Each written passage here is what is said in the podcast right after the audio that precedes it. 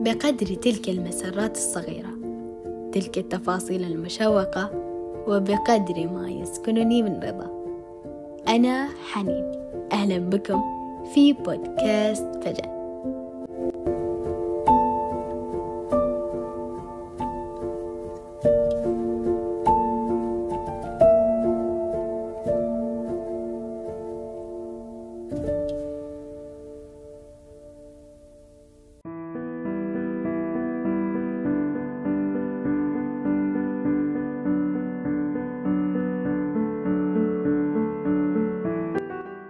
قلب بأربع حجرات تتزاحم بها المشاعر وتجري في مضمارها قلقا. لا تتسع لكل الأيام الثقيلة التي نجر فيها أنفسنا جرا معلنا فيها تحديا جديدا. فتضيق تلك الحجرات على أحلامنا التي تكاد تجزم أنه ما من لقاء. قلب بأربع حجرات ولكن نزاحم المشاعر في حجرة واحدة وننسى أنها أربع. فتبقى تلك فارغة متمردة هاربة من كل تلك الفوضى. تنسج أفكارا يعتصرها القلق بما ستؤول إليه أحلامنا. قلب بأربع حجرات. ولكن ما الفائدة إذ كان بطينه الأيسر يضخ دما بلا شغف؟ قلب متناسي حقيقة أن الشغف أسير بيده لا يأتي طواعيا. وأنت من تجره ليترعرع فيظهر أثره.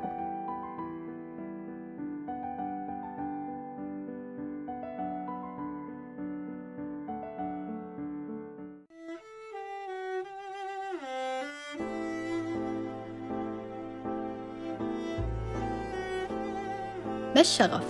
هي تلك الروح المفعمة بالمغامرة مع غض الطرف عن كل عناء وتناسي كل العواقب في سبيل نيل ما هو مرغوب وهو ذلك الشعور الذي لا يتوخى صاحبه منه غاية قريبة ولا مردودا معينا بل يكون في ذلك السبيل سائرا على هواه وسجيته كما ينسل الماء بين الصخور وهو تلك الحماسة واللهفة بما هو قادم من إنجاز. والشخص الشغوف لا ينفك عن الجري وراء ما يصبو إليه من غاية فلا يصغي بإذنيه لآراء من حوله ولا يثنيه عن عزمه شيئا ولا يلقي بالا للحجج على خطأ منهجه وطريقه. ما دام هو يسير به على قناعة وبصيرة. وكثيرا ما يساء استخدام مصطلح الشغف كمهرب من غير إدراك. ما أقدر أكمل دراسة؟ ما عندي شغف. توقفت عن السعي لحلمي لأن شغفي مات. استحالة أكمل الرسمة. أصلا فقدت الشغف فيها. وما أن تبدأ الوظيفة أن تصبح مملة أو متعبة توصف بفقدان الشغف.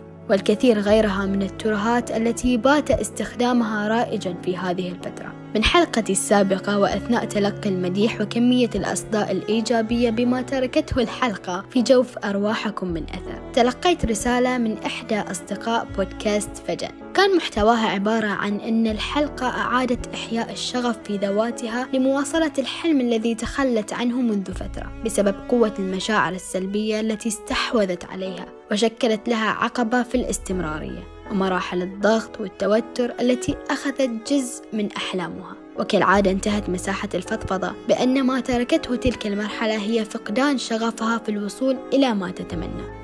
تمعنت كثيرا في كلماتها وتوصلت إلى أن الأحلام ليس لها شغف.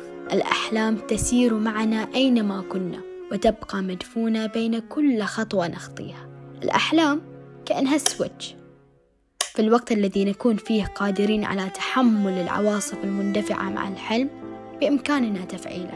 أي مصطلح شغف لا ينطبق على كل جزء في حياتنا وليس على الشغف تحمل كل المسؤولية الملقاة على عاتقه. الشغف مهم في حياتنا بلا شك ولكن لا يتحكم فينا. يدعمنا ونستشعر لذة وجوده ولكن لا يعني أننا غير قادرين على النجاح من دون شغف. لا يشترط أنه يجب أن يكون موجود دائما وأن فقدانه يؤثر سلبا ويجب تقبل عدم وجوده في بعض الأوقات لكن لا يعني الاستسلام بل يعني الاستمرارية ومواصلة السعي. وأعلم كم هو صعبا أن تبقى متمسكا بالشغف في ظل الظروف الراهنة. فترة الامتحانات وعلى مشارف انتهاء السنة التي نودع فيها البراءة والشقاوة ونبلغ أوج النضج.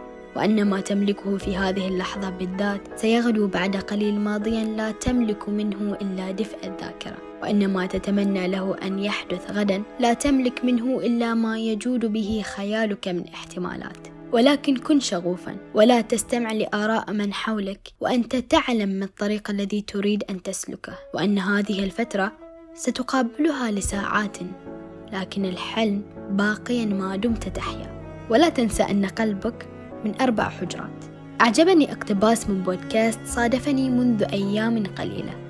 وكان يقول طبيعي أن شغفك يتلاشى وطبيعي أن التوازن عندك يختل لمدة من الزمن. الآلات تتعطل والجدار يتصدع فما بالك بالبشر اللي يتعرضون لظروف خارجة عن الإرادة.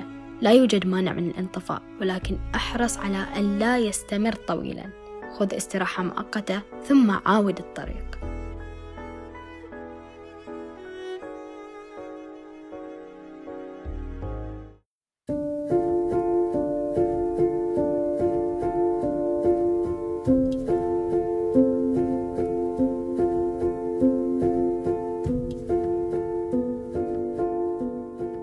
عزيزي المستمع ليكن شعارك الدائم كما قال موسى عليه السلام لفتاه لا أبرح حتى أبلغ.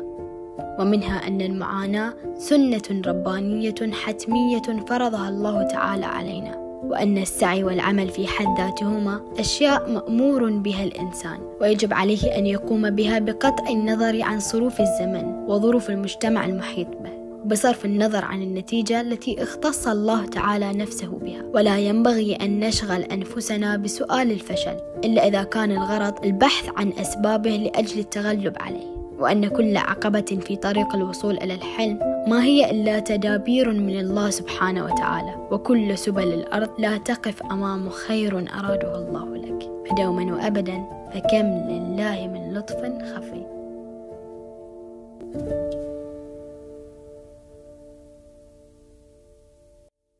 بودكاست فجن يرحب بكم بكل حب. وفي نهاية الحلقة الثالثة تذكر دائما أنت مسؤول عن السعي لا عن النتيجة.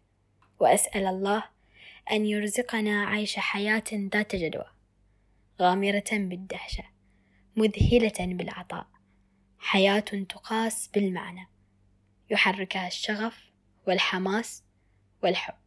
وألقاكم في حلقات أخرى من سلسلة في محض النسيان.